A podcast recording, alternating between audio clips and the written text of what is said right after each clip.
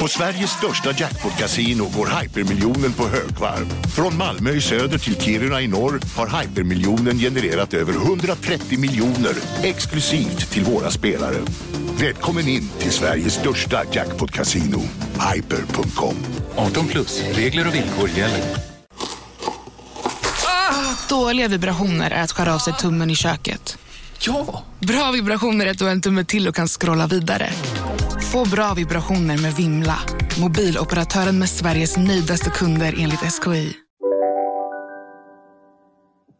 Som alla vet vid det här laget så ska ju vi ut med When We're Kings på turné. Och vi sitter väl här med nästan lite skräckblandad förtjusning, Erik? Va?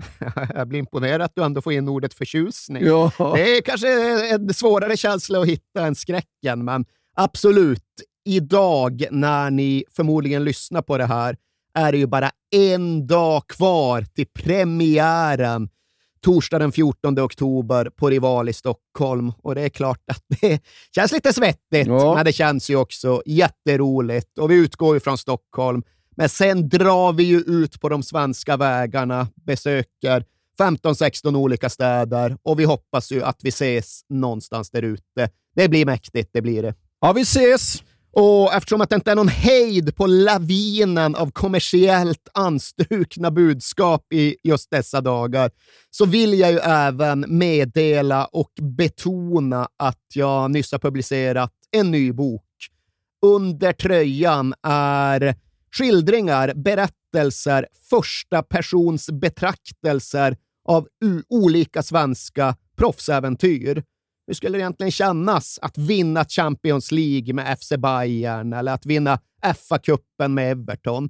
Ja, det ger den här boken någon typ av svar på, men den är ju också någon sorts korsning mellan fotbollsmemoarer, reseskildring och äventyrsroman. Så ni får ju också de lite mer svåråtkomliga historierna från krigets Ukraina och instabilitetens Filippinerna och så vidare och så vidare. Den är värd en chans, så in och kolla på undertröjan på någon av nätbokhandlarna. Eller någon av de fysiska bokhandlarna, så hoppas jag att ni blir nöjda och belåtna. Chelsea are looking for inspiration. Can Ballack provide it? There's no offside flag. Here's Drogba, and it's level. Drogba gets his 27th goal of the season, the top scorer in the English Premiership. Förra veckan slutade vi med att Elfenbenskusten gick till VM 2006, men före detta så ska de spela Afrikanska mästerskapet 2006 också. Ja, alltså vi slutade ju kanske framför allt vid punkten där Didier Drogba upphörde att vara en man och istället blev en myt. Och det var ju den realiteten han behövde lära sig att orientera sig i under de här månaderna fram till och med de afrikanska mästerskapen. För ja, det var väl en sak att eh, han fick en öl döpt efter sig nere i Elfenbenskusten. Det var den allra största flaskan som fanns eh, hos eh, bryggerierna.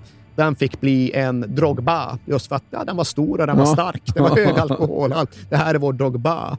Men han fick ju gator döpta efter sig. Han fick en hel jävla stadsdel uppkallad efter sig. Och det var i och för sig inte officiellt. Det var liksom någon lokal småpåve nere i södra Abidjan som tyckte att nej, men nu är inte det här Kumasi Remblä längre. Nu är det här Drogba Kro.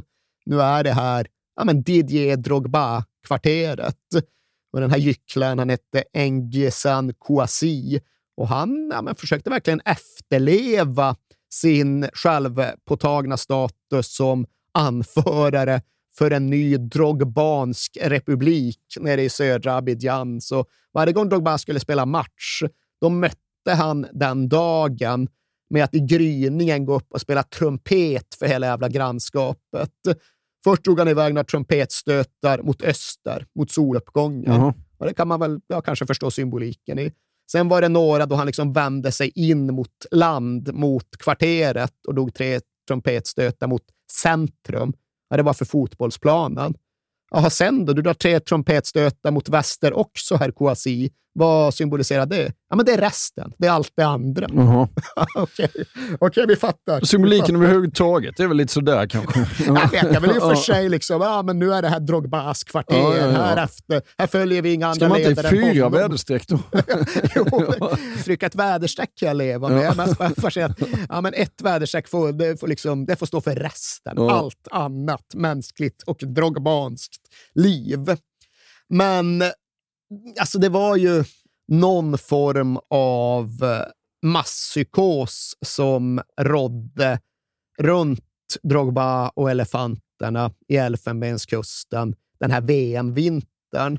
Och jag minns hur starkt och lite egendomligt det kändes på plats i Egypten där de afrikanska mästerskapen faktiskt arrangerades. Just det, du var ju där. Ja. Jag var ju där ja. och liksom hängde med ivorianerna. Ja. Det var alltså, det var ju först märkligt för man tänkte oj, det här är ju liksom kanske världens just nu mest uppskrivna landslag. Landslaget som stoppade ett krig. Dra åt helvete vilket medieuppbåd som kommer följa dem runt i Egypten. Så visade det sig att ja, alltså det ivorianska pressuppbådet det består av tre personer. Ja. Det var allt de hade haft råd och resurser att Ja. skicka. För ja, det är ett fattigt land, fortfarande uppe i ett krig. Så trots att det var hysteri på hemmaplan så avspeglade sig inte riktigt det. Men det var ju kanon för mig. Ja, ja. För det innebar att det var helt lugnt kring deras spelarhotell. Så det var bara att glida dit. Jag kommer Kolo Touré. Kolo, har du tid en kvart? Ja, för fan. Det är inget för mig. Liksom. Drogba, hur är läget med dig? Liksom? Tid att snacka lite. Ja, jag ska göra några grejer, men är du kvar här ett tag? Jag Bara, ja, ja, för fan. Jag kan hänga hela dagen. Ja, men ge mig 20 minuter så tar vi soffan sen. Absolut idé. Det är lugnt. Det är lugnt. Hur var han då? Ja, men som du kan förvänta dig. Alltså, mer svårpratad än Kolo Touré. Kolo Touré minns jag att eh, det var jäkligt intressant att snacka med, för han har sin bakgrund och sin kontext som också är Han är väl från Norge? Va? han är ju från, från Boaké, Ja. från det som är liksom rebellernas huvudstad. Men samtidigt är han son till en militär Ja. som hade varit officer i statsarmén, Ja. alltså i ja, men regeringsstyrkorna. Och där förstår man ju att det är en ganska stark och svår konflikt. Men han bara menar att som son till en militär så kommer du bli en man av fred. Ja. Det, är liksom, det är en oundviklig konsekvens och pratade intressant om det.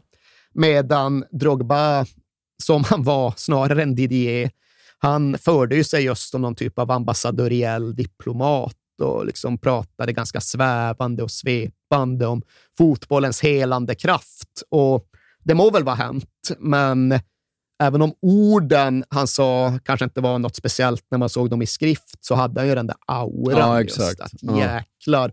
Han förde sig både med en karisma och med en fysisk storlek och med den där liksom hinnan av betydelse. Ja. Man känner när han kommer hit att det, det här är en viktig, ja, ja. mäktig man. Och det hade ju ingen annan. Alltså jag minns den där Afrika, det var ju kanon just att ja, men Kamerun, de bor på det där hotellet. Ja, kan man då hänga med Eto'o? Fick komma in på Eto'os hotellrum. Jaha. Han var sur att han inte fick in någon kanal och trodde att jag skulle kunna hjälpa till. Och han hade ju också någon form av liksom statsmannastatus, Ja. men det var inte alls samma grej ändå. Han var mer att han skulle vara en av grabbarna Ja. och det var ju inte Drogba. Men där fanns det ju också en typ av rent sportslig rivalitet. Vem var Afrikas stora stjärna? Vem var kungen av kontinenten? Och ja, de hade sin shootout både på varsitt håll och sinsemellan. Jag minns att ja, det första jag såg av Kamerun det var Eto'o som gjorde ett hattrick mot fan kan det ha varit? Kan det ha varit Kongo-Kinshasa kanske? På militärarenan uppe i norra Ja, just det Kairo. ja. ja. Eh, men sen stötte de ju på varann i kvartsfinal och det är också en jäkla remarkabel fotbollsmatch, eller i alla fall remarkabel fotbollsupplösning. För det var ju straffsparksläggningen som aldrig tog slut. Ja, just det. Alla spelare sköt och alla spelare gjorde mål.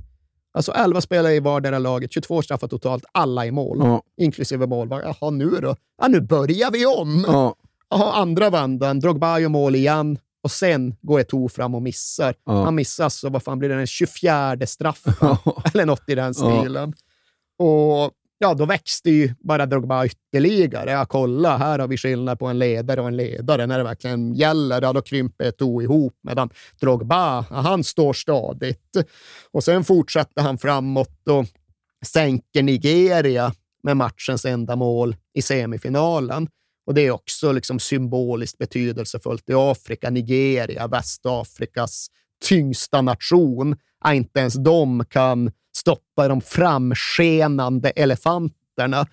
Och jag trodde verkligen, jag var skrivet i himlen, att Elfenbenskusten skulle vinna den här turneringen. Men sen är det som det är med det egyptiska landslaget och för den delen med afrikansk hemmaplansfördel. Att ja, det tenderar att bli utslagsgivande ja. till slut. Och det finns ju lite, lite monkey business kring den där finalen. Den ivorianska spelarbussen blev blockerad på väg till matcharenan och blev bara stående i tre kvart eh, in mot avspark medan fans omringade bussen. Så ja, de kom sent och de fick sina förberedelser lite uppslitna. Men äh, Drogba skyller inte på det. Han menar att de borde ha vunnit ändå och han menar att han själv borde ha kunnat klara det bättre. För ja, det är ju det som händer, att även den här matchen går till straffar och den här gången bränner Drogba den första. Sen bränner visserligen även Bakary Kone en straff som kanske blir ännu mer avgörande, men strunt samma. Ja, Egypten vinner, Elfenbenskusten förlorar. Mm. Och det är klart att det var en missräkning. Det var inte dit jag och så många andra upplevde att det här landslaget var på väg. Vi trodde de var ostoppbara. De stoppade krig, de tystade vapen. Det är klart de ska vinna mästerskap ja. också, men äh, inte riktigt ännu i alla fall. Nej. Och tillbaka i Chelsea, var det, det var ingen medvind där riktigt än va? Nej, och vi pratade liksom i förra avsnittet om det faktum att under just de här åren var det så tydligt att Drogba levde två parallella fotbollsliv just livet runt landslaget var ju överjordiskt på något sätt, medan livet runt Chelsea var rätt vardagsgrått.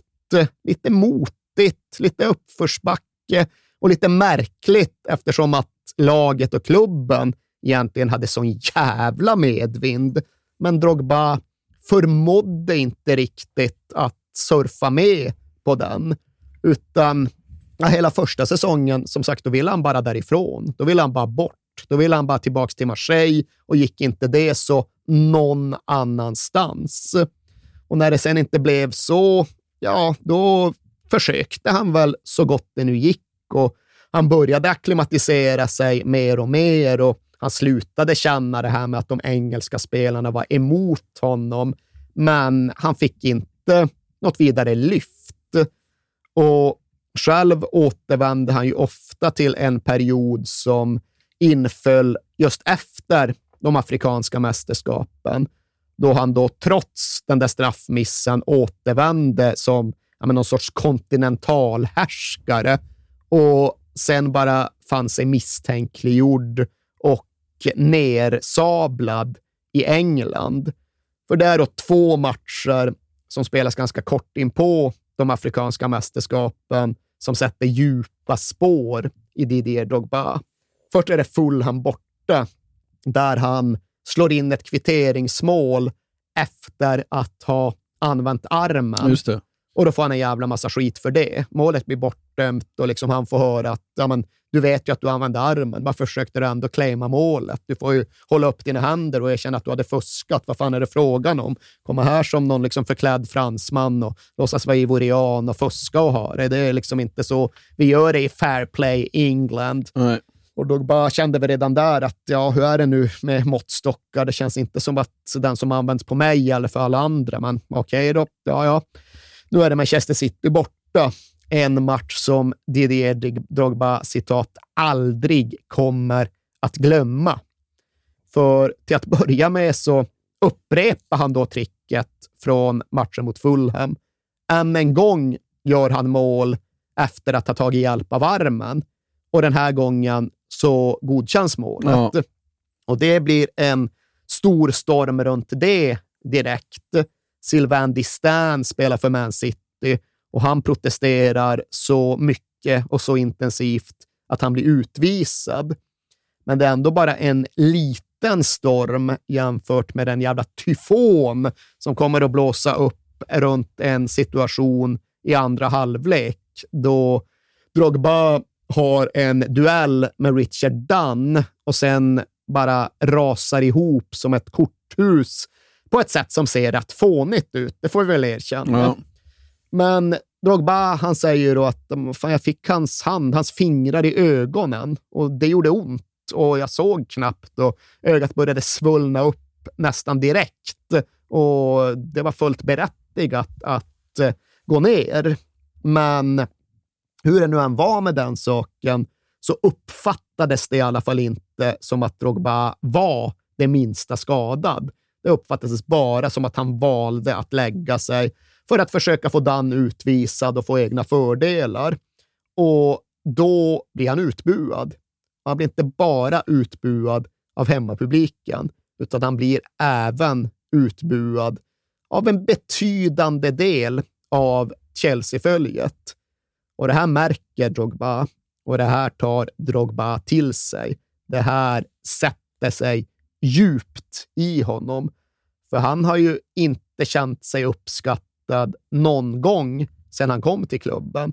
Han har alltid varit besviken på att fansen inte har stått bakom honom på ett mer kraftfullt och Marseille-likt sätt. Men nu så liksom svänger den där besvikelsen brant och slår i botten. Sen följer liksom en matchupplösning och slutsignalen närmar sig och spiken på matchen ropar ut i högtalarna att uh, man of the match is Didier Drogba. Ja. Återigen, som Drogba i alla fall uppfattade, samtliga sektioner, inklusive Chelsea-fansen. Det kändes, det gjorde ont.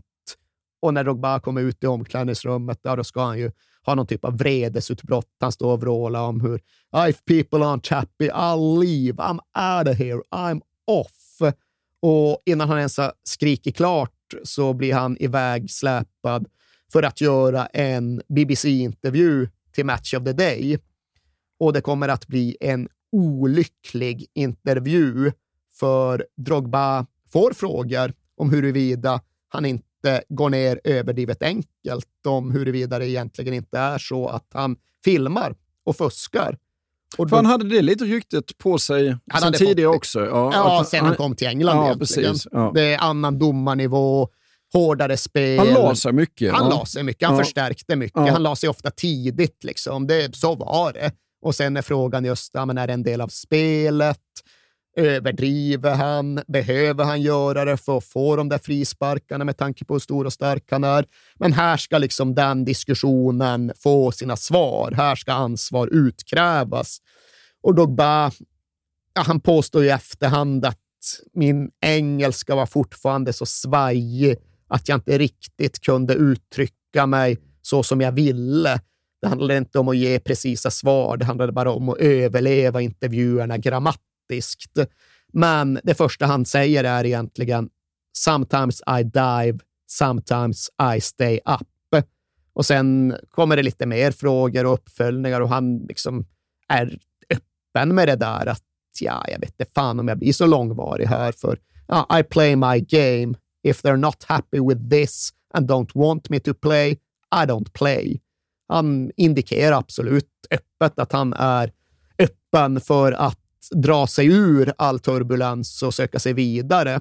Men det är ju ändå den där första meningen som får tabloidfötter. Det är där det görs rubriker. Sometimes I dive. Du Ja. kan inte säga Nej. så i England. Du kan inte erkänna att du brukar filma, att du ibland väljer att dyka. För hur skenheligt det nu än må vara så kommer det hållas emot dig tio dagar av jävla tio. Och där blev ju Drogba kvar i alla fall hela den här våren under den andra säsongen. Chelsea, ännu mer ostoppbart än tidigare. De visslar fram till en ny ligatitel och Drogbas helhetsbidrag är större än det föregående året. Drogbas liksom relation till de andra i det egna omklädningsrummet är bättre än det föregående året. Men lika fullt är han fortfarande där motvilligt.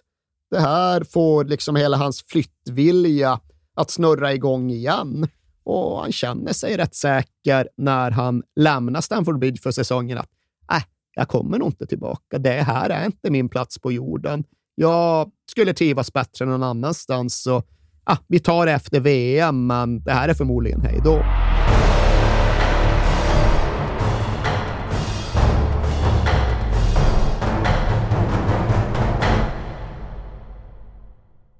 Jag vill inleda med att säga att det är garanterad jackpot på 13 miljoner på Stryktipset. Och fy fasen. Ja, visst. Skulle du behöva 13 miljoner eller? Ja, det skulle jag verkligen. Men vi måste säga först att vi är ju sponsrade av Stryktipset. Ett spel från Svenska Spel, Sport och Casino för dig över 18 år. Yes, och stödlinjen.se finns där för dig om du har problem med ditt spelande. Nej, men 13 miljoner ja. jackpot på Stryktipset, det är ju inte fel. Nej, då är det faktiskt dags att ladda en rejäl rad här känns det mm -hmm. så. Vet du vad som inte heller är fel? Nej. Födelsedagsfirandet och alla härliga mm. historier vi får in. Exakt, mm. för vi är ju mitt inne i Stryktipsets 90-årsfirande som vi firar med att läsa upp fantastiska historier från våra lyssnare. Yes. Som skickar in dem till kings at perfectdaymedia.se. Precis, bomba på nu. Det är åtta månader kvar på det här firandet, så att, eh, vi kör nu. Mycket Stryktipshistorier vill vi ha. Mm. Och i dagens har vi fått från Peter som skriver så här. Hej på er och tack för en helt otrolig podcast. Den har räddat mina veckor i snart fyra år. Tack så mycket Peter. Min historia är ganska färsk, men den om när det vände på stopptid gav kanske inte de största pengarna, men känslan i mig består. Jag spelar ofta för lite mindre pengar på Stryket, följer fotbollen men långt ifrån en nörd. Och allt såg väldigt bra ut senast, förutom på min etta på Manchester United mot Brentford. Mm -hmm. Var ändå väldigt, eh, var ändå väldigt nöjd med hur resten satt. Men på stopptid satte min nya favoritspelare, skotten McTominay, två mål och vändningen fullbordades. 64 rader blev 12 000 kronor. Tack för en bra podd. Det är podd. otroligt. Ja. Tack för en bra historia Peter. Ja, och som man älskar Scott McTominay. Gör man inte det? Ja, det gör man faktiskt. Han liksom kommer in i straffområdet jävligt bra faktiskt. Mm. Vi säger stort tack till våra vänner på Stryktipset. Tack.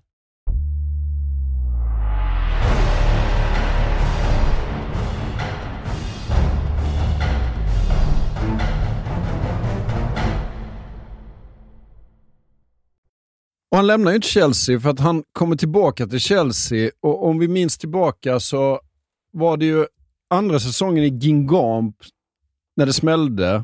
Och sen kom han till Marseille och det smällde. Nu har det gått två år i Chelsea och nu smäller det. Och Det här är också, ja, men det här tycker jag är så iögonfallande svårbegripligt. För någonstans i det första avsnittet så dröjde jag mig kvar en liten stund vid att jag tyckte att någon form av peptalk från den gamla Le Mans-spelaren Reginald Rey hade fått oproportionerligt stor inverkan på, Drogba. Och det är ingen recension, det är bara liksom en förundran. Att, men, hur kunde det där ganska triviala snacket betyda så mycket för dig? Och här hamnar vi i ett läge där vi har den grejen upphöjd till fyra för det här är också någonting som Drogba då har återgivit i detalj i, om det nu är hans andra eller tredje självbiografi. Aha. Men, ja, men hela den här bakgrunden. Han har inte kommit in rätt i Chelsea, han har inte trivts i Chelsea. Han har blivit än mer inställd på att flytta eftersom att han upplever det som att han till och med har de egna fansen emot sig. Men nu vänder allt eftersom Didier Drogba på semester i Marrakesh får ett sms från Frank Lampard. Och det smset det innebar, och nu citerar jag, dagen som befriade mig som anfallare, som gav mig vingar, som fick mig att visa vad jag var kapabel till. Nu är man rätt intresserad av att veta vad det är som är så Ja, för alltså, det, det, han sparade sin gamla mobiltelefon långt efter att han slutade använda den, bara för att ha kvar det där meddelandet. Uh -huh. Och vet du hur smset löd? Det känns som att det är rätt trivialt faktiskt. Hi DD. I hope that you're staying because we have to win the League together and we have to win the Champions League together. Slut. ja. ja det, hade, hade alla varit så lättmotiverade så hade världen sett bättre ut. ja, nej, men alltså, det är egentligen ja. inte så att jag vill eh, göra mig lustig eller förlöjliga Dogbas reaktion. Det är bara att jag har så svårt att förstå ja. den. För här händer det de allra mest dramatiska saker och fan, det är fotboll i krigets skugga och han flyttar med liksom en kvarts miljards prislapp runt halsen och han ska förhålla sig till Mourinho och Abramovic och press och personligheter.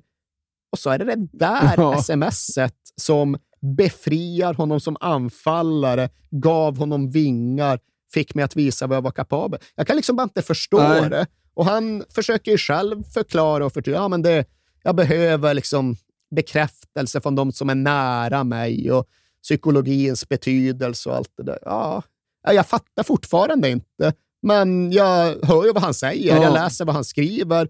Och var det nu så att det förlöste honom så var det ju bara att häpna inför betydelsen, inför effekten.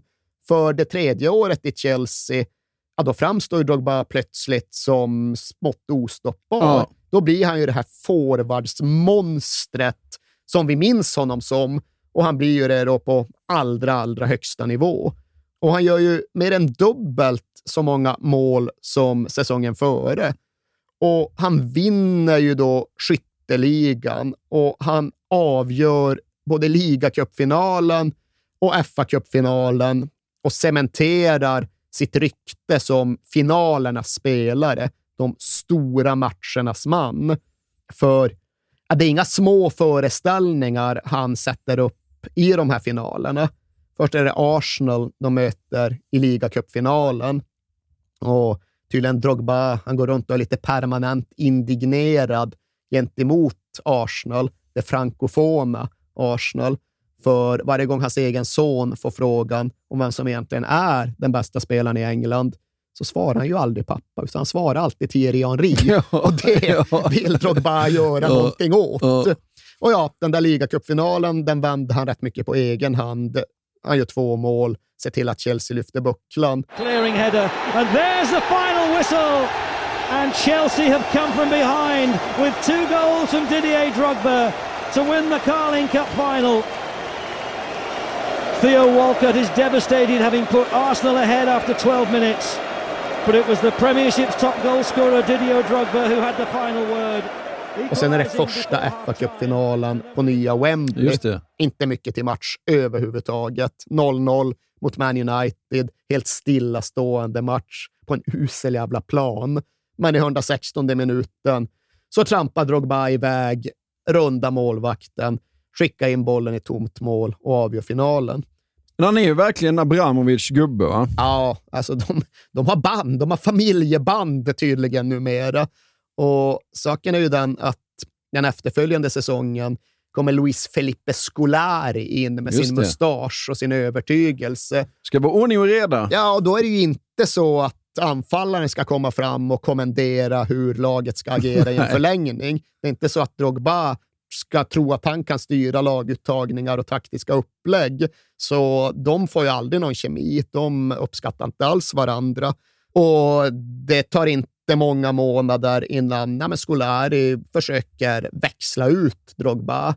Han har en idé om att försöka byta honom mot Adriano i Inter.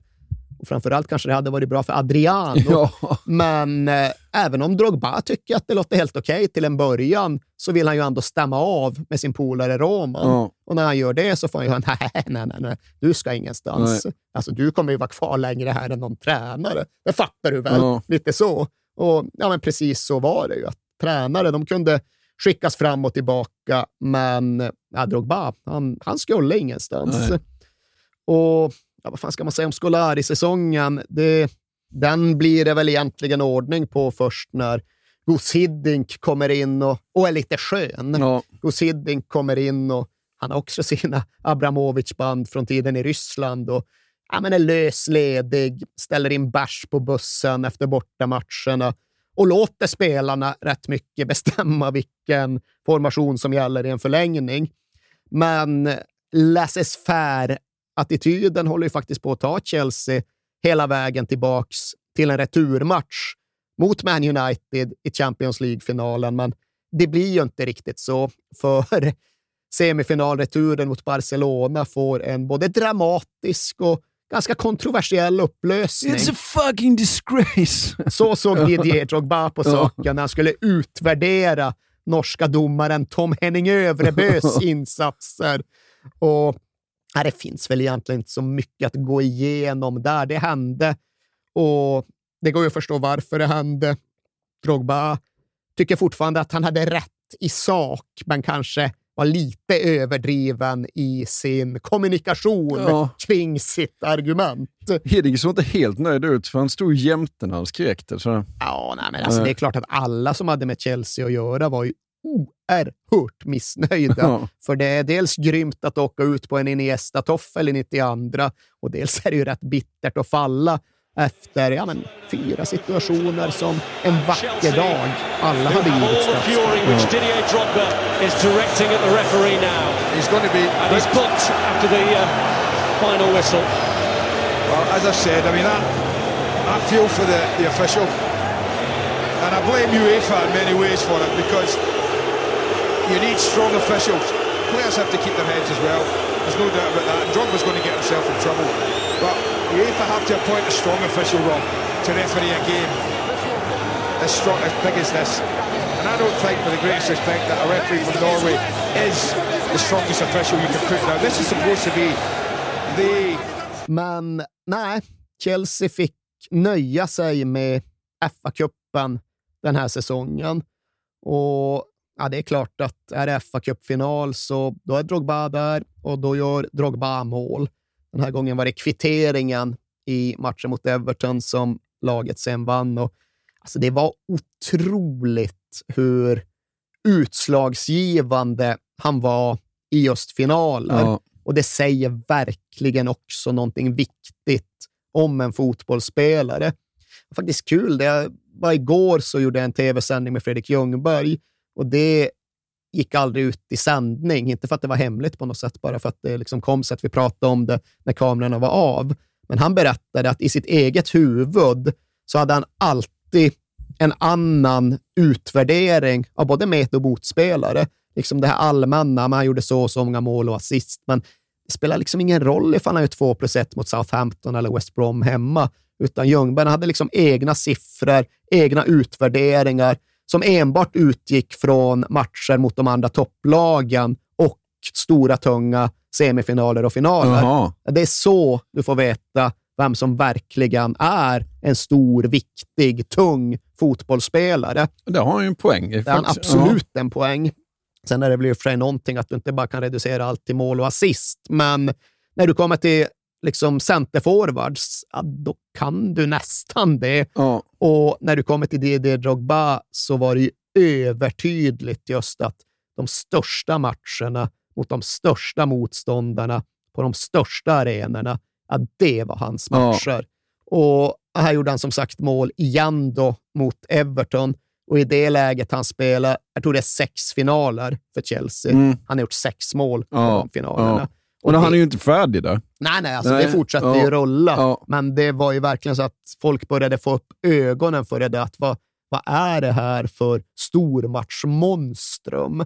Liksom varje gång det står en buckla på spel, ja, då är Drogba där. Hur Ja. går det till, Didier? Hur går det till, herr Drogba?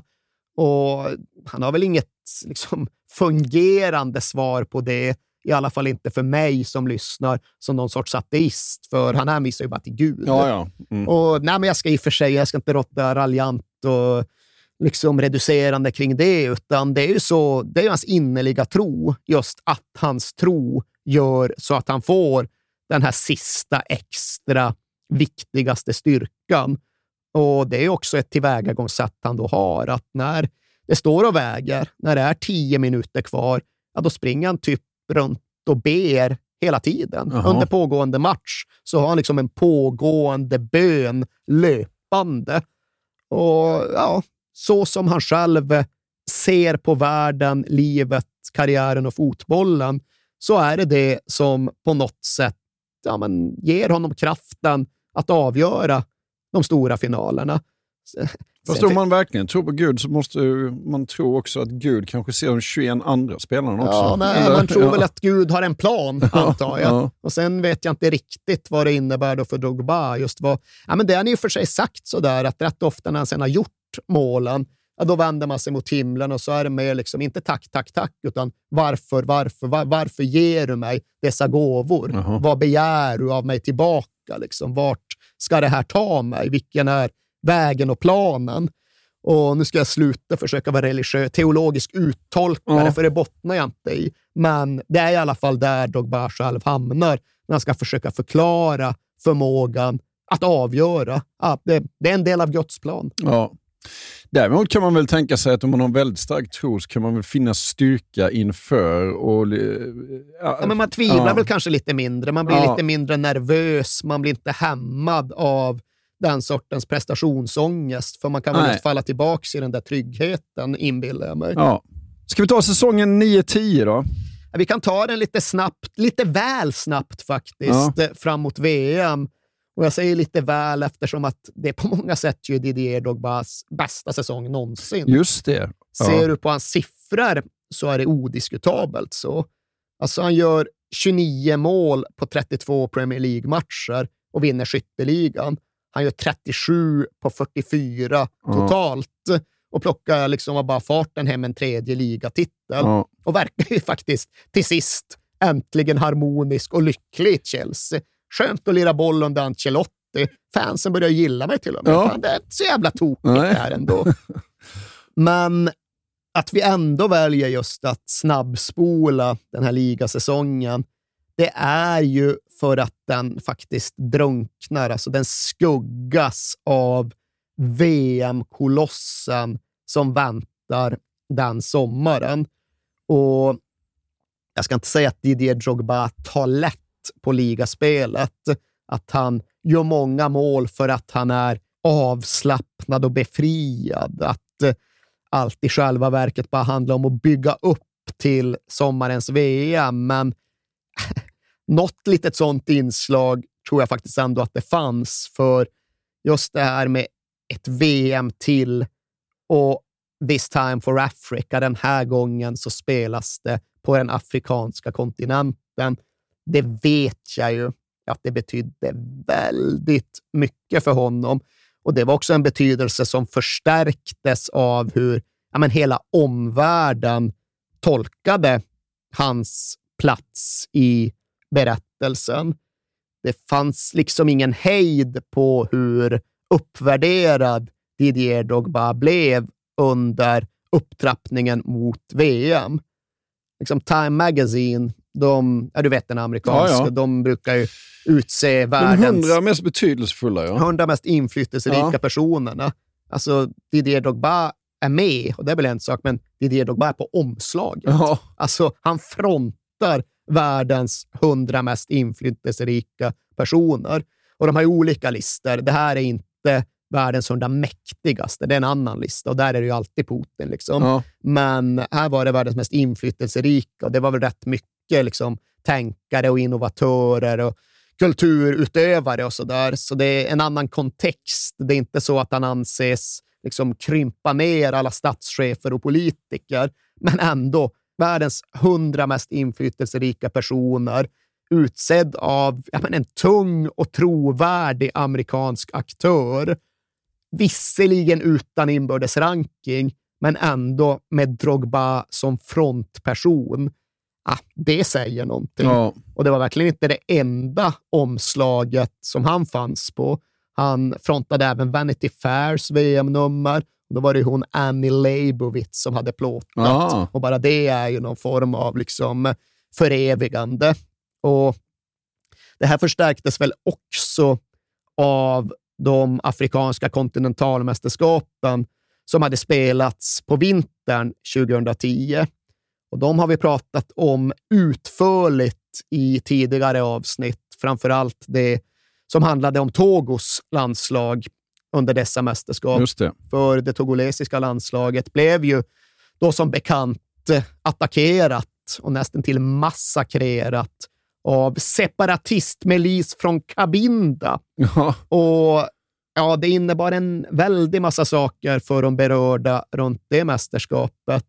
Men det blev ju utifrån ivoriansk synvinkel återigen övertydligt just hur statsmannamässigt Didier Drogba förde sig. För att han kickade lite boll, det var ju verkligen en bisak under de här mästerskapen. Det var liksom han som tröstade Adebayor och tog hand om honom.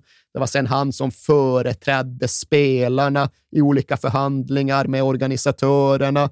Det var han som kommunicerade som någon form av korsning mellan ambassadör och diplomat. Det var, det var verkligen en känsla av att men ta bara av karln hans träningsoverall och ge honom kostymen så att skiftet kan fullbordas Ja. på något sätt.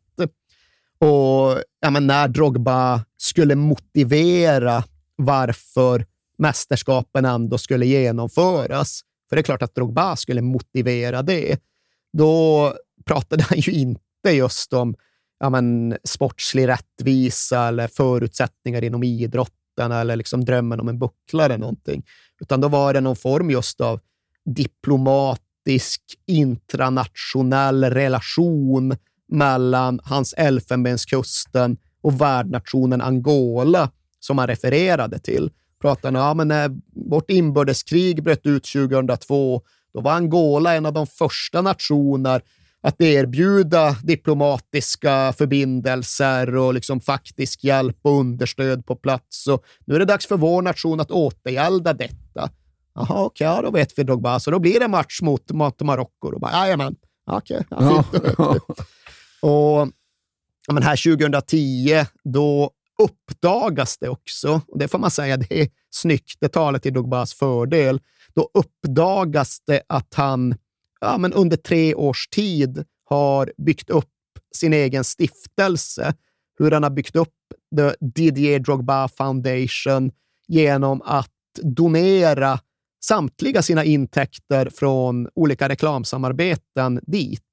Du vet, allt detta tjat om image rights, allt Ja, detta ja. tjat om att undkomma beskattning på de intäkterna. Ja, men allt det ställde sig Drogba bokstavligt talat över, för han donerade alla de pengar till grundat av sin stiftelse och sen höll han käft om det. Ja, Sen höll han det är käft om snyggt. det i tre Ja. år, för han ville först bygga upp en faktisk verksamhet.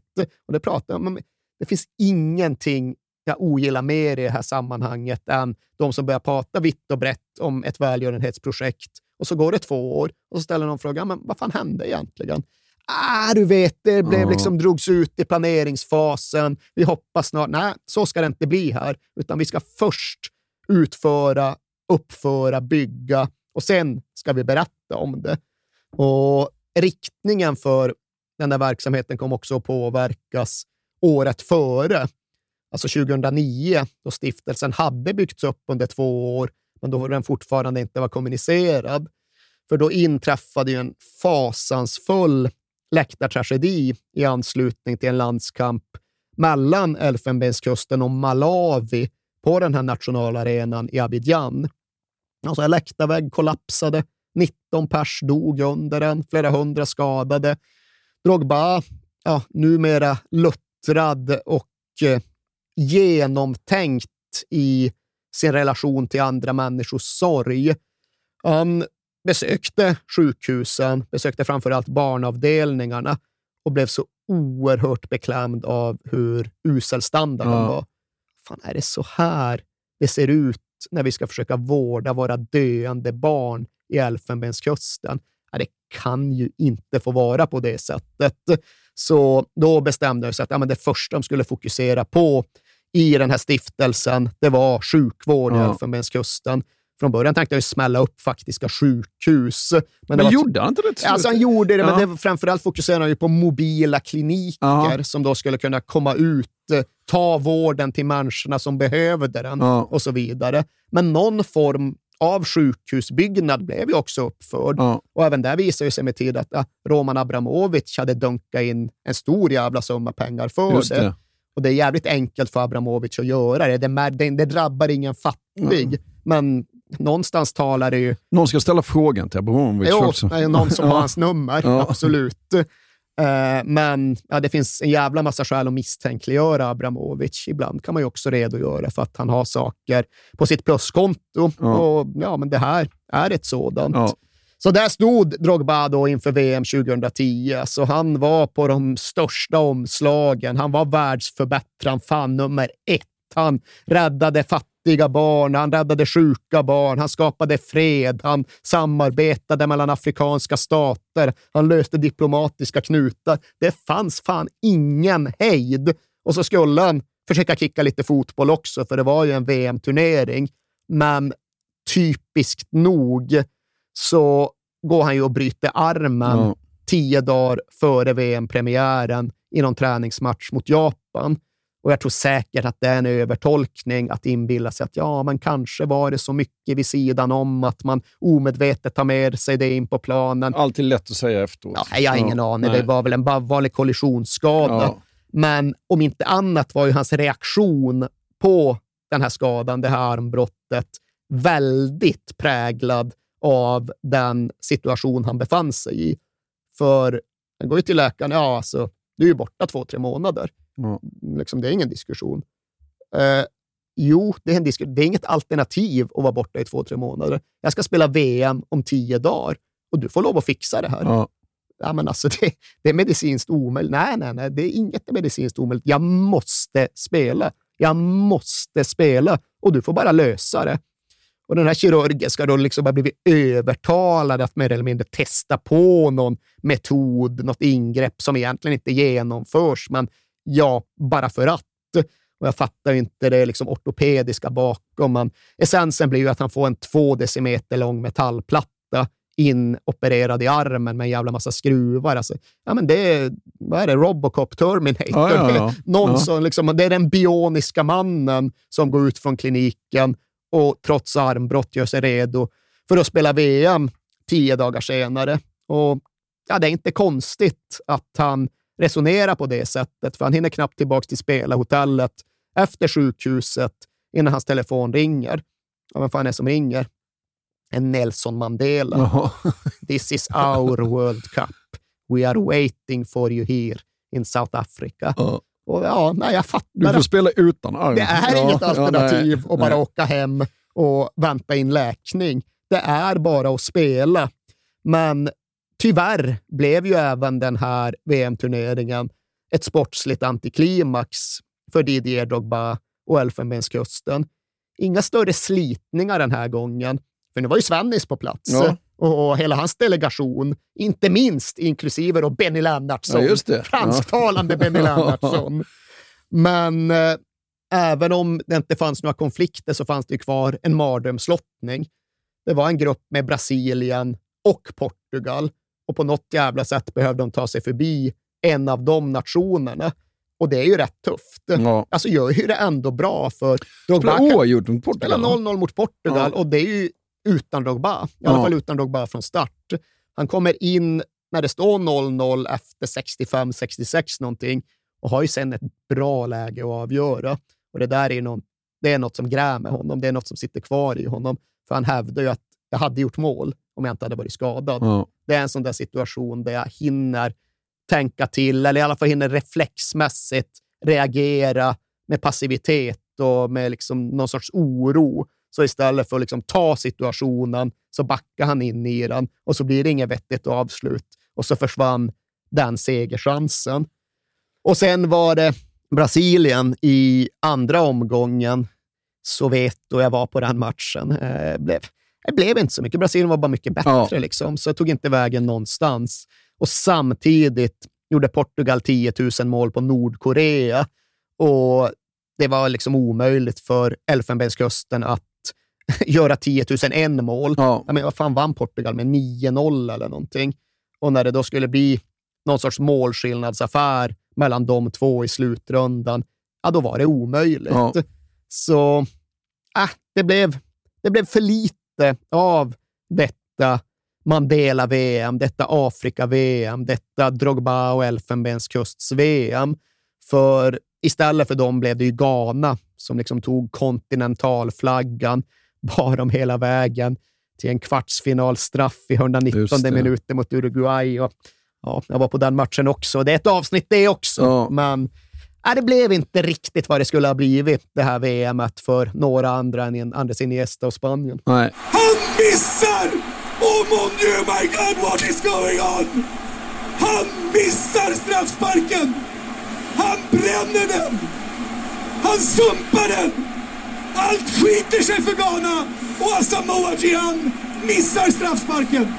Och tillbaka till Chelsea, så är det ny tränare och han var även sen tränare för Spurs. Vad tycker du om honom, Erik? det är en fråga med många svar. Ja. Uh, ja, nej, jag tycker väl kanske inte att han har levt upp till den tränarkostym han själv försökt ikläda sig, det har André Villas Men han kom ju till Chelsea som ja, men, the next special one. Ja. Han skulle ju bli den nya José Mourinho. Och det var inte bara för att han också kom från ett Porto där han hade vunnit Europa League. Och det var inte bara för att han ju faktiskt hade varit Mourinhos assistent, utan det var för att han ansågs vara världens nya stortränare på ett ganska självklart sätt. Det är väl sällan man varit så nyfiken och, alltså på en tränare som kommer dit. Va? Nej, men han var ju Julian Nagelsmann ja. för tio år sedan. Det tror jag är den mest relevanta parallellen idag. Och Grejen är ju också att han hade en relation till Drogba sen tidigare. För han hade ju då varit med Mourinho när Porto hade mött Marseille. Han hade varit med när Mourinho stod i tunneln och på franska frågade om inte Drogba hade några skickliga kusiner. Och sen hade Mourinho fortsatt skicka honom till Marseille för att uppdatera sig runt Drogbas prestationer. Och Viasboas scoutingrapporter därifrån bidrog absolut till att det var Drogba Mourinho pekade på när han fick välja striker fritt. Så de hade en relation och de hade en kvarvarande kontakt och de uppskattade varandra. Och Drogba kände till och med någon form av tacksamhet gentemot Viasboas alltså just för att han hade bidragit till att bygga hans karriär. Och just därför blev det väl kanske lite extra smärtsamt att det skar sig så snabbt. För ja, skar sig, det gjorde det ju. Didier Drogba fick inte alls något reservationslöst förtroende av Vias Boas, utan om något var det någon form av rotationsvariant han använde sig av, där Drogba fick spela ibland och Fernando Torres fick spela ibland. Och därtill försökte Vias Boas införa en typ av spelsätt som inte Drogba alls tyckte passade in i detta Chelsea. De skulle rulla boll, de skulle bygga bakifrån, de skulle stå jättehögt upp mot, med backlinjen. Och, ja, det där funkade vare sig för Drogba eller för laget. Drogba fick liksom inget att jobba med. Han ville ju ha raka uppspel och suga ja, ja. ner och liksom inlägg och hantera. Terry ville inte stå vid mittlinjen heller? Va? Ja, exakt så. Mm. Exakt så. Och ja, Det gick ju inget bra. Och någon form av brytpunktsmatch kom i slutet av november när Chelsea förlorade hemma mot Liverpool och det avgörande målet hade tillkommit just efter att en för högt stående backlinje hade försökt rulla boll på ett för riskabelt sätt. Och dagen efter så hade det varit dags för ett spelarrådsmöte och vid det här laget hade ju de erfarna och välmeriterade spelarna i Chelsea ett jäkla stort inflytande. Och liksom, det var John Terry och det var Frank Lampard. Och där bredvid hade du Peter Cech och ja, men därtill då en Didier Drogba som liksom kände att han bara kunde ringa Roman och tjabba lite så fort det var något han inte riktigt förstod sig på. Så det var liksom inte en spelargrupp som det gick att köra över. Fel killar och groven. Ja, med. fel ja. omklädningsrum att försöka ta över och bara bestämma över som, ja, vad var vi spås, 33-åring. Ja. Och det här mötet, i alla fall som Drogba återger det, det handlade då om att ja, men de satt och bollade idéer och de erfarna spelarna förklarade att ja, alltså, vi kan säkert få ihop något bra här, men vi måste ju justera spelmodeller. Vi måste ju gå tillbaka till det vi faktiskt är bra på. Och sen tog mötet slut och de skildes åt och dagen efter så gick Vias Boas in i omklädningsrummet och förklarade att nah, vi ska fortsätta precis så som vi har gjort. Ja. Vägen, kursen ligger fast. Och det mötet ska ju då också ha innehållit en sekvens där Vias Boas gått runt till var och en av spelarna och ställt frågan, tror du, tror du, tror du verkligen att vi kan vinna Champions League? Och då är det underförstått att tror du inte på det, ja, då ska du inte vara här. Nej. För här liksom, ska bara liksom enigheten ta oss mot målet. Och alla spelare säger, ja visst, liksom, det är klart jag tror det. Gör man ju som professionell fotbollsspelare. Vi har kvaliteter, så om allt stämmer så absolut. Jaha, men tror du, tror du, tror du Didier Drogba? I'm sorry coach, I don't believe we can win. Nej. I mean, you have to believe Didier. I'm sorry, I don't believe. Nej. Och där var det väl någonstans över mellan de två. Och där sattes det också någon form av paroll eller gimmick för hela säsongen i Chelsea. Att så fort Didier visade sig, så fort Drogba dök upp, så efterföljdes han ju av liksom, uppmaningar om att tro på saker och ting. Vad fan, ketchupen är slut. Nej, nej, you have to believe Didier. Det finns ketchup någonstans.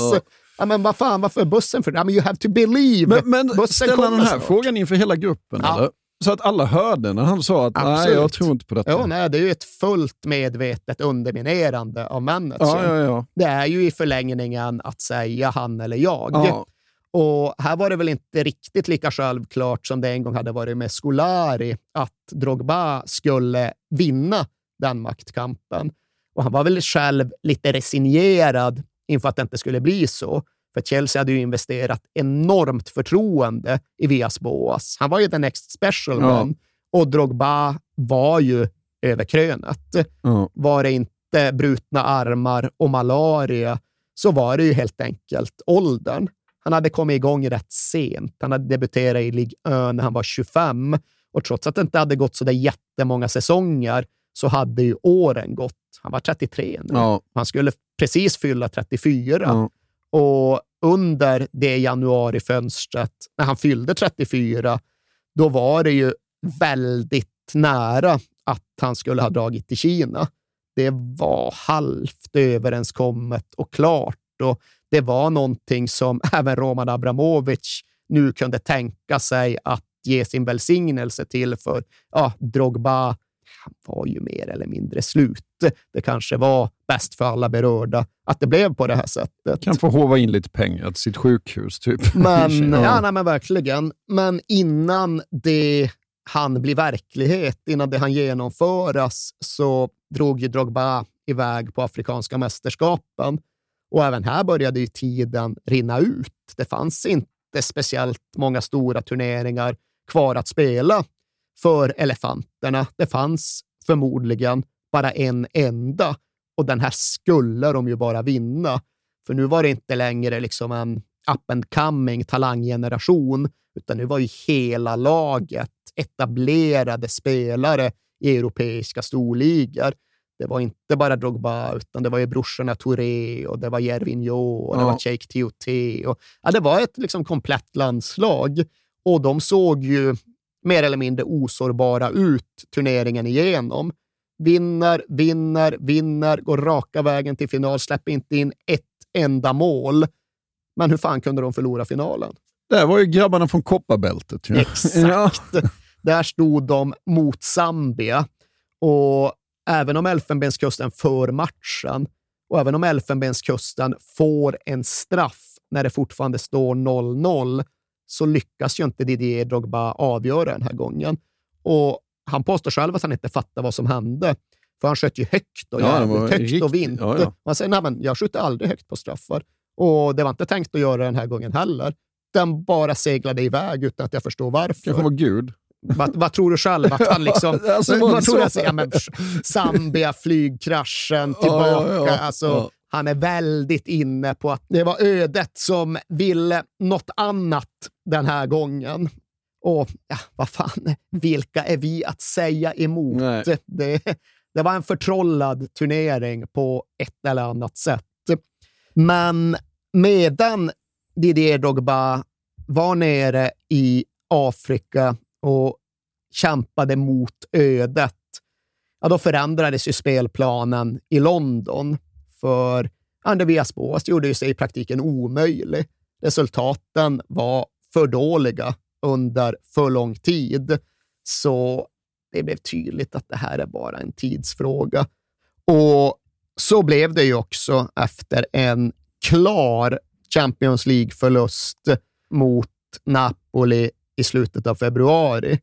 Då kickades Vias Boas, hans assistent Roberto Di Matteo kom in istället och makten i omklädningsrummet försköts. Ja, det gjorde den väl? Va? jag tror inte han gick in och domderade. Ja, det var ju precis det han inte gjorde och det kan man väl antingen beskriva som liksom fegt eller som att Di Matteo var en icke-figur eller att han spelade sina kort smart och skickligt. För ja, men han gav ju tillbaka omklädningsrummet till John Terry, Frank Lampard och Didier Drogba Ja. och lät dem driva laget. Och nu var det ju annat ljud i den där trosskällan. Nu knallade Didier Drogba runt och mässade om hur han minsann kunde ha dragit i januari, but I'm still here because I believe. I believe. Och det var ju Champions League som tron handlade om. I övrigt så var ju Chelsea på väg mot en misslyckad säsong på ligafronten. Men om nu Zambias väg fram till de afrikanska mästerskapen 2012 var driven av någon sorts öde, då är det svårt att skaka av sig känslan av att Chelseas väg fram mot Champions League-finalen 2012 också var skyddat, värnat av någon sorts högre makt. För det är ju inte klokt att de lyckas ta sig hela den vägen. Vann ner mot Napoli först, ja, det var väl en sak. Det var bara liksom så här episk sluggematch på Stamford Bridge och ja, otroligt att de lyckades vända och vinna. Och sen var ju inte kvarten mot Benfica något att säga om överhuvudtaget egentligen. Jag minns att jag var på den matchen nere i Lissabon av någon anledning och ja, det, det där klarar ju Chelsea. De är lite större ändå. Ja. Men sen är det ju semifinalen mot Barcelona och det är ju helt obegripligt att de lyckas vinna den över två matcher. Ja, men jag måste säga, för att jag har ju varit på det. Med tanke på att vi har gjort Messi och snackat om den här matchen eh, och med tanke på att vi har gjort Bayern München och pratat eh, alltså om, om finalen så har jag, och, och hur mycket vi har sågat Chelsea. Eller framförallt du då som har varit och kollat på dem, hur jävla dåliga de har varit. Ja, alltså dåliga och sågade. De har varit utspelade Jo, och de de har varit- har ju överlevt tack vare tapperhet, skalle och hjärta snarare än någon sorts bollskicklighet och grundspel. Men det är ju inte en sågning. Det är bara Nej, liksom, nej. det är en annan typ av beundran. Det var fel ord, men de har varit så utspelade som man kan vara nästan.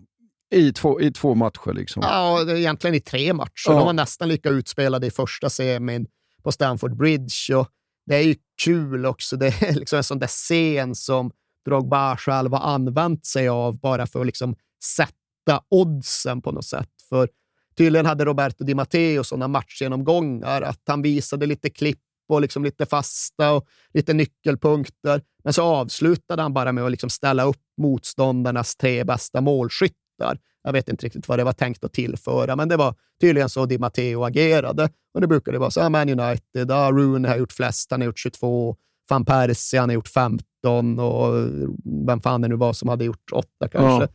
Så kom Barcelona, men det var samma nerifrån. Liksom. Xavi har gjort 14, Alexis 15, Messi 63.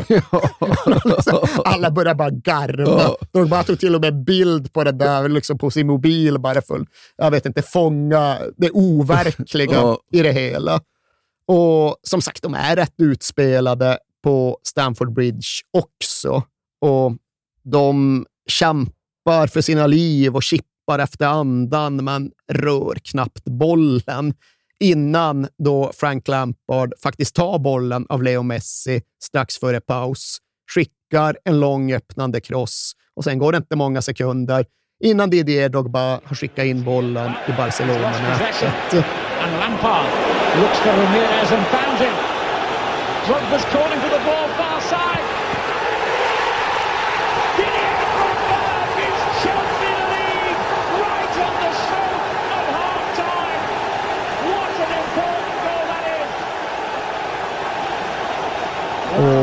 finns det den pausvilan och de som ändå har ambitioner med sin fotboll i Chelsea är ju nedslagna. Missnar Juan Mata. Bara, Fan, vi måste hålla i bollen. Jag måste liksom få den på fötterna Ja. någon gång. Hur ska det annars gå? Då bara, bara tyst. Liksom. Inte idag, Juan. My friend, today no football. Today just run. Ja. Och sprang gjorde de och 1-0 tog de med sig ner till Camp Nou och till då, ja, men det som är en av de mest osannolika matcherna, i alla fall i Champions League-historien. Vi behöver inte ta till överord, Nej. men det är helt obegripligt hur Peps Barcelona, ja, men kanske det bästa lag som någonsin funnits, undviker att vinna den matchen och gå vidare. För de har ju alltså en situation där de leder med 2-0 och Chelsea har fått den ena mittbacken skadad och den andra mittbacken utvisad. Kaptenen John Terry är borta före paus. Ja. De har alltså 2-0 mot 10 man och är dessutom totalt överlägsna 11 mot 11. Ja. Det går ju inte att sjabbla bort det. Nej. Men sen på något sätt trollar Ramirez fram en reducering precis före pausvilan. Och det innebär ju att Chelsea totalt ändå är vidare på bortamål under pausen. Och då får de ja, någon jäkla kraft som de bara lyckas kanalisera. Och ska vi tro Dogba, liksom Di Matteo i pausen, han är nowhere. Liksom. Ja, han är ja, knappt ja. närvarande. Det är laget själva som bestämmer. Han har någon idé om hur de ska ersätta Terry. Bosingva själv, bara, jag går in och spelar mittback. Jag är det. Jaha, men vad innebär det för ytterbackarna då? Drogba, ja men okej, jag spelar vänsterback. Ja men striker, ja men jag spelar striker och vänsterback. Och han menade allvar liksom. Det tänkte- Det var hans uppriktiga ambition att spela två positioner samtidigt. Och det gick ju så där. För han blev överambitiös i då sitt spel som vänsterback och drog ju på sig en straff tidigt i Ja. andra halvlek.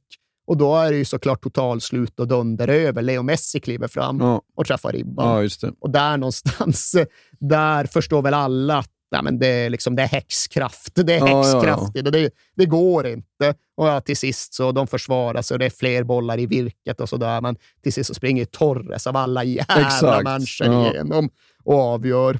Och ja, men helt, helt, helt otroligt. Ja. Och mot den bakgrunden ändå uteslutet att Chelsea ska kunna vinna finalen. FC Bayern oemotståndliga och de spelar hemma och de har liksom sin bästa generation och Chelsea får ju knappt ihop en elva. Folk är avstängda och folk är skadade och de får lappa och de får laga. Och till sist sätter Robert Di Matteo upp elvan och Ryan Bertrand är med. Ja. Liksom Ryan Bertrand har ju knappt spelat en match förut.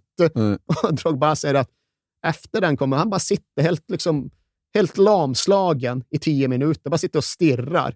Till sist får han liksom gå fram och bara med det igen en örfil. Bara, hey, come on Ryan! You have to eat something to stay strong! You need to stay strong! Och ja, men Det är ju egentligen en repris på Camp Nou-matchen så tillvida att det är ju bara ett lag som har bollen. Det är bara ett lag som spelar och skapar. Och det är otroligt att det drar, ja det tar 83 minuter eller vad det nu är innan FC Bayern är mål. Men då är det ju superslut. Och det säger Drogba också att, ja, vad fan, det är game over. Mm. Han lägger bollen på mittpunkten, men han är uppgiven. Så bara säger nej, nej, nej, nej, nej, nej, nej. Och då är det ju Juan Mata av alla som dammar av den gamla parollen från i höstas. Believe Didier! You have to believe! Och på något sätt så vet jag inte om de hittar tron, men de hittar i alla fall ja, men ett anfall. Mm. Och ett anfall, en hörna, är allt som krävs när Didier Drogba spelar finaler.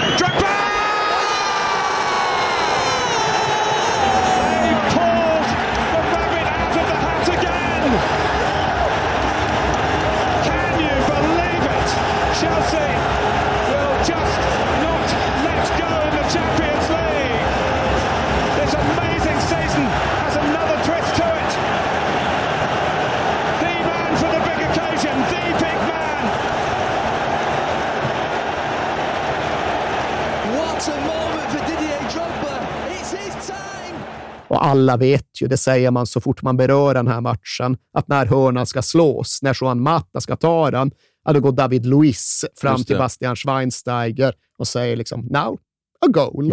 Han, han tror, Ja, he ja, believes. ja. Han har fan sin evangelistiska övertygelse. Men ja, det är klart att det blir mål och det är ju Så en nickmål kommer ju sällan med på sammanställning över de snyggaste mål som gjorts, men det är en otrolig nick av Det är fem plus. Ja, det är så mycket Ja. fem plus Ja. som det kan bli. Och det är ju... Alltså, Vik sig bakåt. ja, ja, liksom hitta kraften på något svårbegripligt sätt. Och liksom det är Neuer han gör mål på. Ja, det är ju en av de bästa nickar vi sett. ja, det är det. Det är det. Ja. Och sen eh, trasslar han till det i förlängningen. Ja, sen ska han återigen vara vänsterback och Ja. striker i ett, Ja. eller om det är högerback den här gången. Men ja, han är i eget straffområde. Där ska han inte vara. Nej. Och den här gången så hakar han upp Frank Ribéry i förlängningen. Och den här gången är det ju slut igen. Och här ska ju då tydligen Drogba, ja, men han har en pågående konversation med sin gud under den här upplösningen. För ja, efter att han tilläts nicka in det där kvitteringsmålet, då ska det ju ha varit just den grejen. Upp till Gud, liksom, varför? Varför ger du mig det här? Ja. Varför får jag den här gåvan? Vart ska jag ta den? Vad, vad är ditt uppdrag till mig? Och sen när det nu blir så här, men va- varför? Va- Varför gör Vad du så fan är här? det nu då? Ja, exakt. Vad fan är det nu då? Ska du ge mig den här? Jag fattar ingenting. Men också att han liksom hinner tänka att det blir det här mål.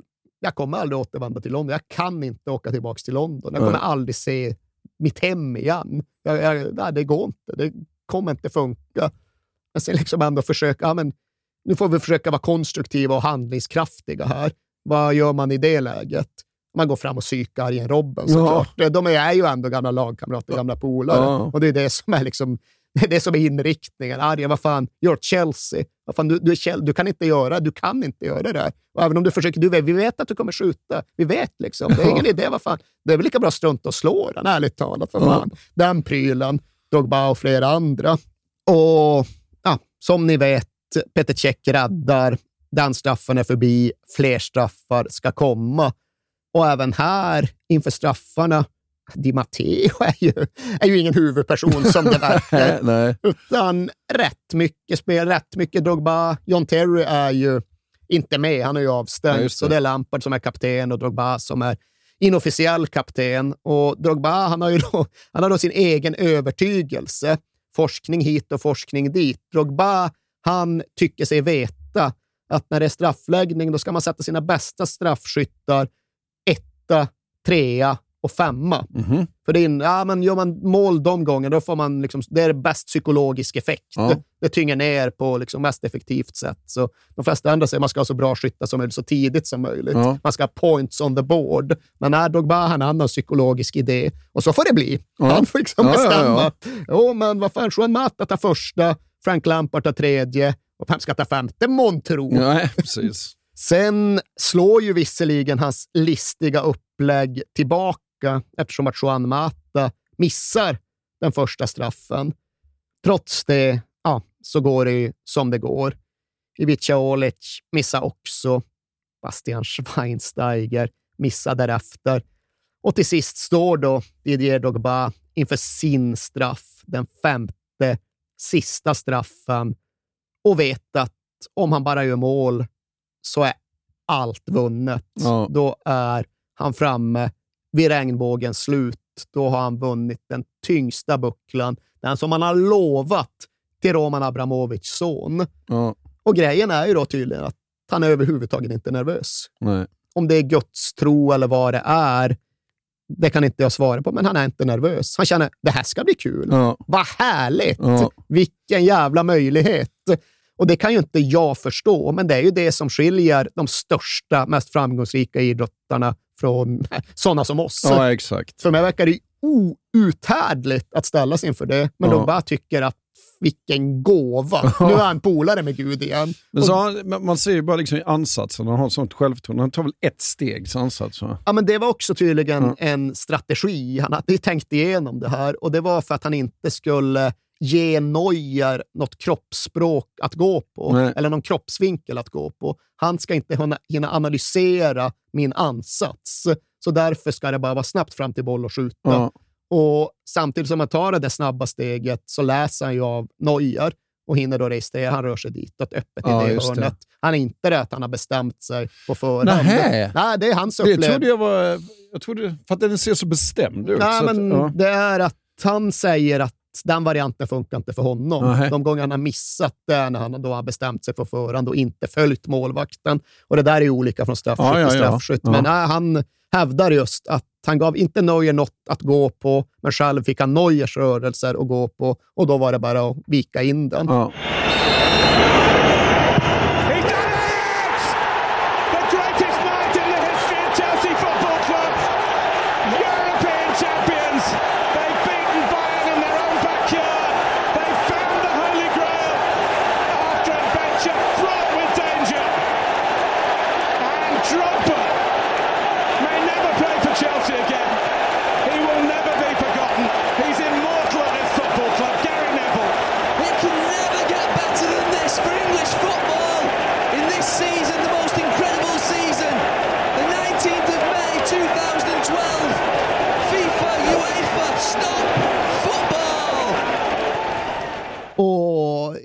Sen, eh, sen, återstår, sen återstår bara det viktiga. Sen återstår partyt. Sen återstår firandet. Och, ja, men Drogba han kan den grejen också. Han vet att ta sin plats. För det är inte så att han säger, utan det är ju de andra som var med i omklädningsrummet. Att allting kulminerar ju när Drogba liksom tystar ner dem och liksom ska hålla sitt anförande, sitt tacktal. Och då är det hans retoriska stilgrepp den här gången att han pratar till bucklan som står där mitt i Jaha. omklädningsrummet. Tystar ner alla andra och sen vänder sig till bucklan. Varför? Varför har du undvikit oss så länge? Och sen står han ball. Ja, ja, ja. Han, kan, han kan sina retoriska knep och sen förblev han ju festens mittpunkt. Det är klart att det var han som badade med kostymen på och det är klart att det var han sen som lika fullt hade samma kostym på sig dagen efter också för att han inte hade gått och lagt sig. Det hade fått självtorka. Och utan att liksom på något sätt antyda att han skulle vara egoistisk och självcentrerad i detta, såg han ju också till att förbli mittpunkten även när de till sist skulle skiljas åt efter utdraget firande och segerparad genom London. För när de sen pustade ut efter paraden in i någon jävla gymnastiksal någonstans, ja, då samlade han sina lagkamrater och sa att okej, that's it. Nu räcker det. Nu är jag klar. Nu lämnar jag Chelsea. Och han menar ju att det inte var förutbestämt. Det hade varit ett alternativ i januari, men när det nu blev som det blev så var hans avsikt att stanna ytterligare ett år vid en eventuell förlust. För han behövde fortsätta försöka. Han hade ju givit sitt ord till Roman Abramovics son, Ja. men nu var det uppfyllt. Nu var, han, nu var han fri och nu kunde han lämna med huvudet högt. Det var ju helt rätt läge. Ja, det var det ju verkligen. Ja. Och sen fortsatte han ju uppriktigt sagt att göra en del tjänster för Chelsea även under de här dygnen då han då hade bestämt sig för att han skulle dra. För ja, men mitt under det mest kaotiska firandet, då ska han ha fått tag på Jervinho, alltså landslagspolaren Ja. från Elfenbenskusten, och sagt Ej, nu måste du se till att jag kan snacka med Eden Hazard i telefon, för nu måste jag förklara att han ska komma hit och ta över efter mig. Och jag vet inte om Eden Hazard köper den här beskrivningen eller den här kronologin, men i Drogbas värld så stod han ju och vacklade, var obeslutsam, visste inte hur han skulle göra. Och så ringer Big Didier och förklarar att så här blir det, Eden Hazard. Ja, ja. Och därefter hade han liksom säkrat tronföljden och successionsordningen och kunde verkligen dra iväg till Kina, som ju blev hans destination efter Chelsea. Ja.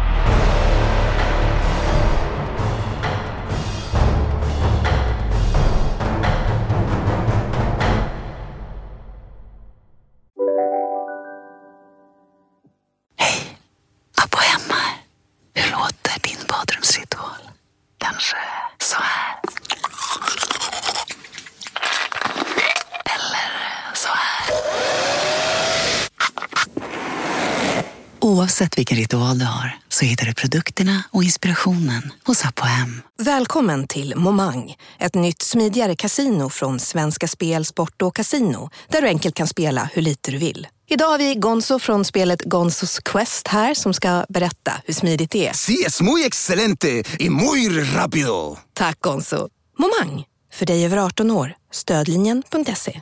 Om en sous vide är på väg till dig För att du hörde en kollega prata om det. Och du råkade ljuga om att du också hade en och att den var så himla bra att maten blev så otroligt god. Och innan du visste ordet av hade du bjudit hem kollegan på middag nästa helg för att du sålt in din lågtempererade stek så bra att du var tvungen att beställa en på nätet fort som attan. Och ja! Då finns det i alla fall flera smarta sätt att beställa hem din sous vide på. Som till våra paketboxar, placerade på en plats nära dig och tillgängliga dygnet runt. Hälsningar Postnord.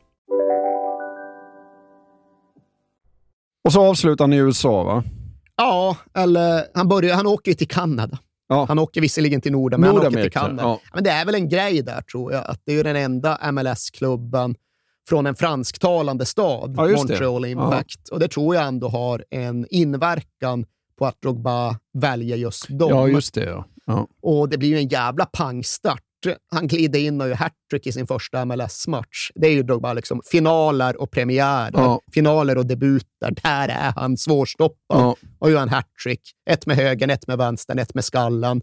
Tror han gör nio mål på sina första tio matcher eller någonting. Vi- Visste du att det, för att det läste jag så stod det att ett äkta, eller ett pure... Ja, perfect hattrick, säger de i. England. Ja, Ja. men det, det har jag aldrig hört talas om tidigare. I Sverige hade man väl den där fixeringen vid att det skulle vara mål i svit. Liksom. Ja, Inga det- skulle in och liksom tafsa. Och i, en halvlek, i första halvlek, tror jag. Jaha, den definitionen. Det trodde jag var Jag lika tror det mycket är värt i första halvlek. Det är bara Gary det är en Lineker halvlek, mot, ja. mot Polen. Men Eh, perfect har jag aldrig talat Ja, nej, men det vet jag att de har som term. Just en med högen, en med vänstern, en med skallen. Ja. Och det gjorde han i första matchen. Sen gjorde han typ nio mål på sina första tio och ryckte väl på axlarna. "Ha, Är det inte svårare än så här? Nej. Och drev Montreal Impact långt. De gick till, ja, de har sina jävla conferences hit Ja, och conferences dit, men de gick väl till semifinal i MLS-slutspelet. Jag kan ha fel på en runda, men Ja. jag tror inte det. Nej. Jag tror de gick till semi och det var längre än vad Montreal Impact har gått, vare sig förr eller senare. Sen skär det sig lite med klubbledningen där och det bottnade väl i grunden i att han fick ett erbjudande att återvända till Chelsea och bli en typ av ASS-tränare Jaha. på Stamford Bridge. Och Montreal tyckte, nej men fan, nu har du ditt kontrakt här som spelare, det vill vi att du fullföljer. Och sen började det gnissla, både i kommunikation och i Drogbas kropp. Det var ont i ryggen, det var ont i knät. Det var det jävla plastgräset som Ja. finns här och där i MLS. Det vägrade han spela på. Och skulle jag börja på bänken? Nej, vad fan, då orkar jag inte åka med till Toronto överhuvudtaget. Så den där sessionen, ja, den slutade väl lite i moll.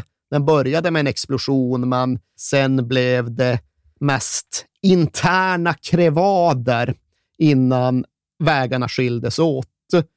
Och då, ja, då var verkligen frågan vad Drogba skulle göra därefter. Vart gick äventyret härnäst?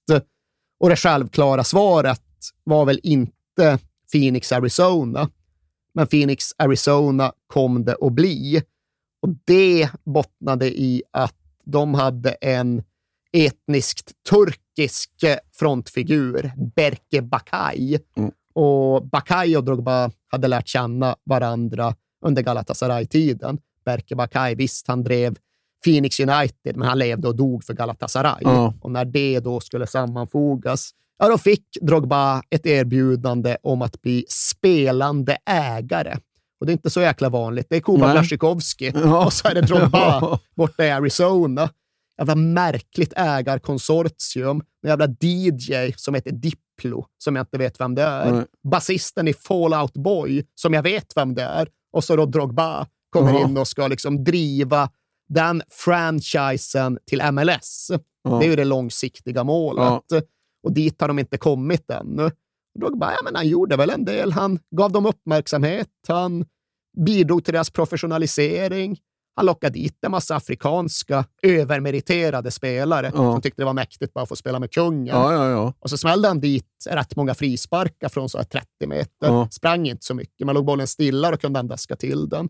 Och tog då sitt Phoenix Rising hela vägen till deras mästerskapsfinal. Det handlar ju då om USL, alltså den amerikanska andra divisionen.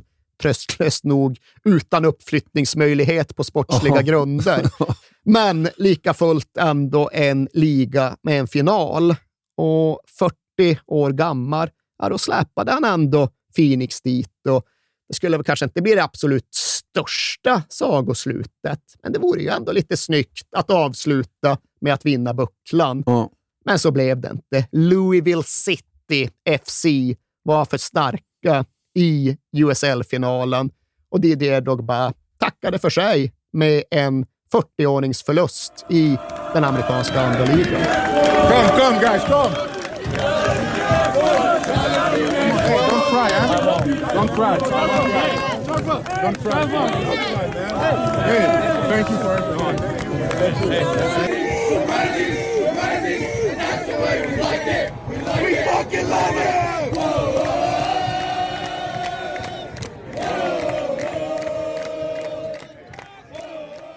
Och nu då?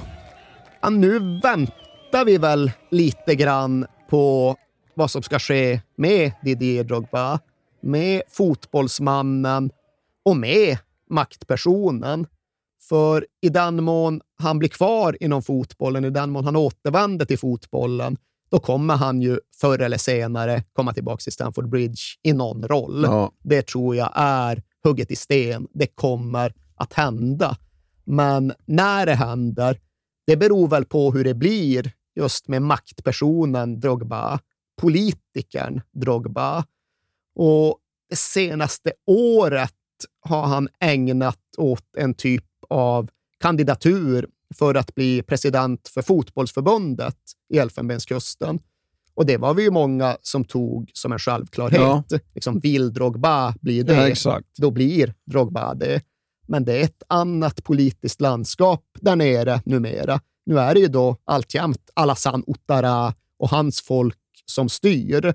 Precis omvald för en tredje mandatperiod. Han egentligen inte hade konstitutionell rätt till, Nej, men, precis. men vad fan. Nej. Och det hade blivit lite stökigt runt det. 85 dog och Drogba fick gå ut och mana till fred. Men det finns väl ändå den där realiteten där ja, men många personer i beslutsfattande ställning faktiskt tittar lite snett och lite misstänksamt på Drogba som en man från den andra sidan. Och uppenbart uttryckt eller inte så visade ju sig i alla fall liksom den fotbollspolitiska miljön i Elfenbenskusten var mycket mindre mottaglig för Drogba än man någonsin hade kunnat tro.